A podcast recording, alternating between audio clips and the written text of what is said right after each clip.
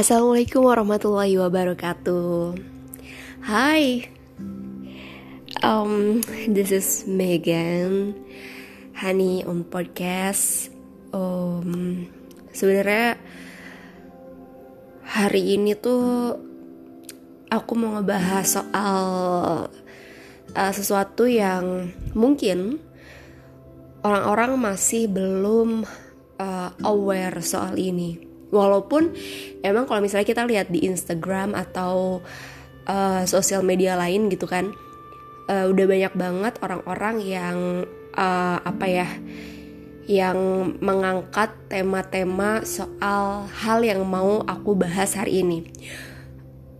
Aku basically uh, sarjana psikologi tapi honestly aku nggak begitu mendalami soal uh, psikologi.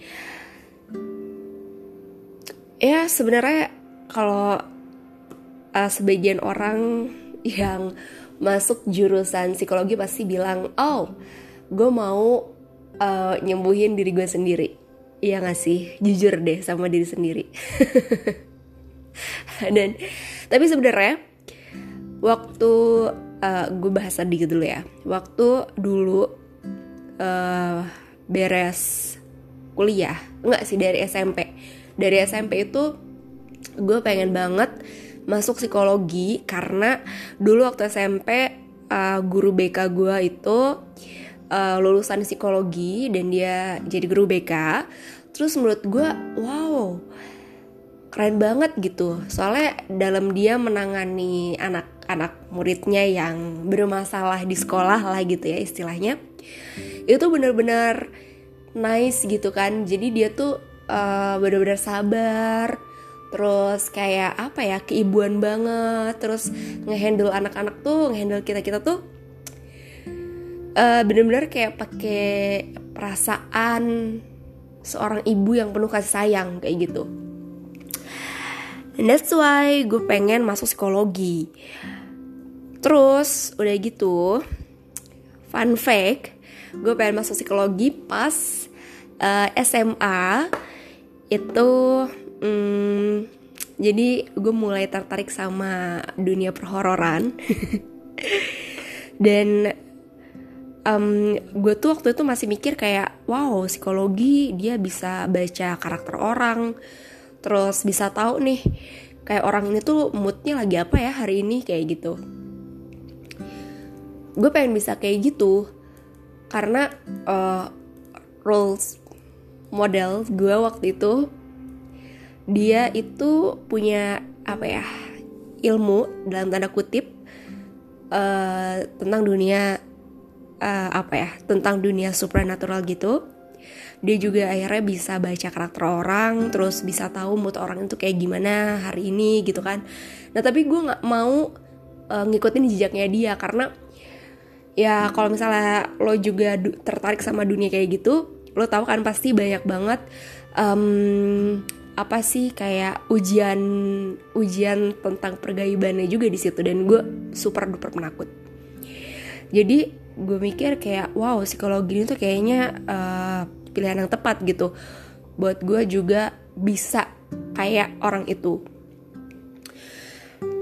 Abis itu pas di akhir uh, kelas 3 SMA itu gue mulai tertarik sama dunia broadcast. Sebenarnya dunia broadcast itu gue udah tertarik dari uh, eh, SMA kelas 1 cuman gue cuman seneng karena gue seneng nonton terus gue seneng liat presenter jalan-jalan yang kayak gue ngebayangin wow dia jalan-jalan terus setiap hari ngeliput uh, Indonesia gitu kan terus uh, ngeliput makanan yang enak-enak dari berbagai negara atau dari berbagai daerah di Indonesia dan digaji. Jadi itu gue akhirnya tertarik di situ.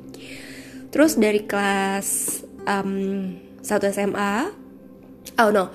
Dari kelas 3 akhir SMA itu gue akhirnya nyari-nyari sekolah broadcast di Bandung. Dan gue nemuin salah satu sekolah broadcast bagus namanya DJR School. Cuman karena gue emang awalnya tuh pengen kuliah di luar Bandung uh, ya udah ke pending lah itu. Terus akhirnya gue kuliah di luar Jawa Barat. Terus nah pas gue tes itu kan ada pilihannya tuh. Antara jadi gue milihnya tuh antara psikologi sama ilmu komunikasi. I know itu jauh banget. Tapi ya itu yang gue pilih dan ternyata gue masuk di psikologi. Gitu ternyata pas belajar psikologi ya uh, jauh dari kata uh, belajar soal kepribadian gitu kan. Sebenarnya ada ada um, matkul kepribadian tapi itu kayak cuman dua SKS kalau nggak salah dalam satu semester. Gitu jadi uh, dapetnya sedikit banget. Dan lebih banyak itu ya soal statistik hitung-hitungan terus uh, apa sih namanya kayak lifespan gitu gitulah itu juga penting buat menurut gue penting buat dasar-dasar parenting. Dan ya akhirnya uh, di psikologi ini gue uh, kayak apa ya kayak ngobatin diri sendiri gitu loh. Nggak tau lah ya itu kan ya canda-candanya anak psikologi pasti kayak gitu gitu. Nah habis itu udah terus pas lulus kuliah akhirnya gue masuk belajar di di Jerry School itu. Gue belajar broadcast dan ternyata seru banget. Akhirnya dari situ uh, gue keterusan buat ada di dunia broadcasting. Terus gue lamar kerja di radio terus sekarang alhamdulillah gue di Bandung TV kayak gitu gitu kan. Well sebenarnya bukan itu yang mau gue bahas sekarang. Yang mau gue bahas sekarang adalah tentang mental illness. Pasti kalian semua tahu ya um, soal mental illness gitu. Kita nggak bisa mungkirin kalau masing-masing dari kita punya uh, namanya mental illness karena yang namanya stres depresi itu kan termasuk dalam mental illness ya nggak sih nah gue nggak bakal ngebahas mendetail soal apa sih itu mental illness atau uh, bagian-bagian uh, dari mental illness itu apa aja gitu dan lain-lain sebagainya. Gue juga nggak bisa ngejudge apa sih yang ada di diri gue ini tuh uh, apakah um, permasalahan atau kecemasan atau apa ya depresi yang kadang gue alami ini termasuk mental illness yang cukup berat atau enggak gue nggak bisa. Gue nggak mau uh, menjudge diri gue sendiri. Tapi yang perlu lo tahu adalah bahwa setiap orang tuh pasti punya kecemasan masing-masing punya uh, depresinya masing-masing punya permasalahan di luar dari masalah fisik gitu. Yang which is ya itu uh, tentang mental gitu. Karena uh, kita juga nggak bisa langsung misalnya nih misalnya gini uh, lo punya temen yang dia tuh kok temperamen banget emosian terus kan setiap ada masalah kecil uh, digede-gedein dibuat uh, jadi permasalahan yang besar terus dia sangat emosional sekali. Atau mungkin ada juga yang misalnya menurut lo Allah itu mah nggak usah dipikirin gitu. Tapi kenapa temen lo ini tuh sangat memikirkan hal itu? Sangat membuat hal itu menjadi suatu kecemasan yang luar biasa yang seolah-olah dia itu uh, apa akan menghadapi sesuatu yang sangat besar yang yaitu yang akhirnya jadi bikin dia merasa cemas yang luar biasa gitu. Nah itu please please please please banget lo jangan jangan aneh sama perilaku orang-orang sekitar lo yang mungkin uh, di luar dari uh, logika lo gitu. Misalnya ya kayak itu tadi misalnya menurut logika menurut logika lo kalau uh, misalnya uh, untuk menghadapi satu audisi itu yang nggak perlu dicemasin gitu. Karena audisi itu kan menang dan kalah. Tapi kadang ada orang juga yang mau menghadapi audisi atau misalnya dia menyanyi aja mau perform itu bisa sampai cemasnya nauzubillah. Sampai ngeluarin keringet dingin terus bahkan sampai ada yang pingsan. Bahkan sampai ada yang harus masuk UGD dulu. Please banget jangan uh, dibuat sepele masalah ini. Kalau misalnya emang di sekitar lo tuh ada yang kayak gini gitu jangan dijauhin jangan lo ngejudge bahwa orang itu aneh. Jangan please please please jangan banget. Karena ketika lo menjudge negatif orang tersebut itu malah akan berdampak lebih negatif lagi ke orang itu gitu. Impactnya tuh benar-benar besar banget buat orang itu. Bisa jadi tambah down bisa jadi lebih-lebih insecure lagi. Terus uh, ya banyak hal gitu. Bahkan beberapa kasus kan banyak yang melakukan uh, bunuh diri karena dia udah nggak kuat sama apa yang dialamin, apa yang dihadapin gitu. Karena mungkin dia ngerasa bahwa wow lingkungan sekitar gue nggak ada yang ngerti nih soal kecemasan gue, lingkungan sekitar gue nggak ada yang ngerti nih soal depresi yang gue hadapin. Kadang depresi itu asal lo tahu ada beberapa kasus yang nggak ada alasannya gitu. Kadang tiba-tiba nih lagi happy gitu. Dia misalnya kemarin lagi ngumpul-ngumpul nih kalian semua lagi seru-seruan lagi ketawa ketiwi eh taunya besoknya atau malamnya dia jadi berubah 180 derajat dia jadi super duper kayak orang depresi.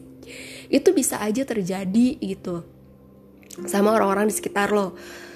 Karena apa? Ya mungkin ada sesuatu di dalam dirinya yang belum dia ketahui gitu. Mungkin ini tuh dampak dari masa lalunya dia. Mungkin zaman dulu dia masih kecil atau mungkin eh dia sekolah atau gimana gitu dia pernah kena bullying atau uh, pola asuh dari orang tuanya yang salah atau dia selalu uh, apa ya selalu disalahkan oleh keluarga uh, keluarganya gitu atas sesuatu. Apalagi biasanya kan uh, seorang uh, anak pertama tuh biasa suka jadi bahan uh, apa ya bahan kesalahan gitu dari adik-adiknya. Misalnya adiknya padahal yang numpahin tapi dia yang dimarahin kayak gitu-gitu. Kalau misalnya itu terjadi dari dia masih kecil itu tuh bisa berdampak ketika dia sudah besar gitu. Siapa bisa aja pas udah gedenya akhirnya dia memiliki kecemasan uh, gangguan kecemasan yang luar biasa. Atau mungkin akhirnya itu bisa jadi trauma yang menimbulkan dia akhirnya jadi memiliki um, apa namanya uh, depresi gitu kan. Nah itu tuh please banget kalau misalnya emang ada orang-orang di sekitar lo yang kayak gitu tolong jangan dijauhin. Jangan jangan dijudge yang aneh-aneh. Tolong rangkul.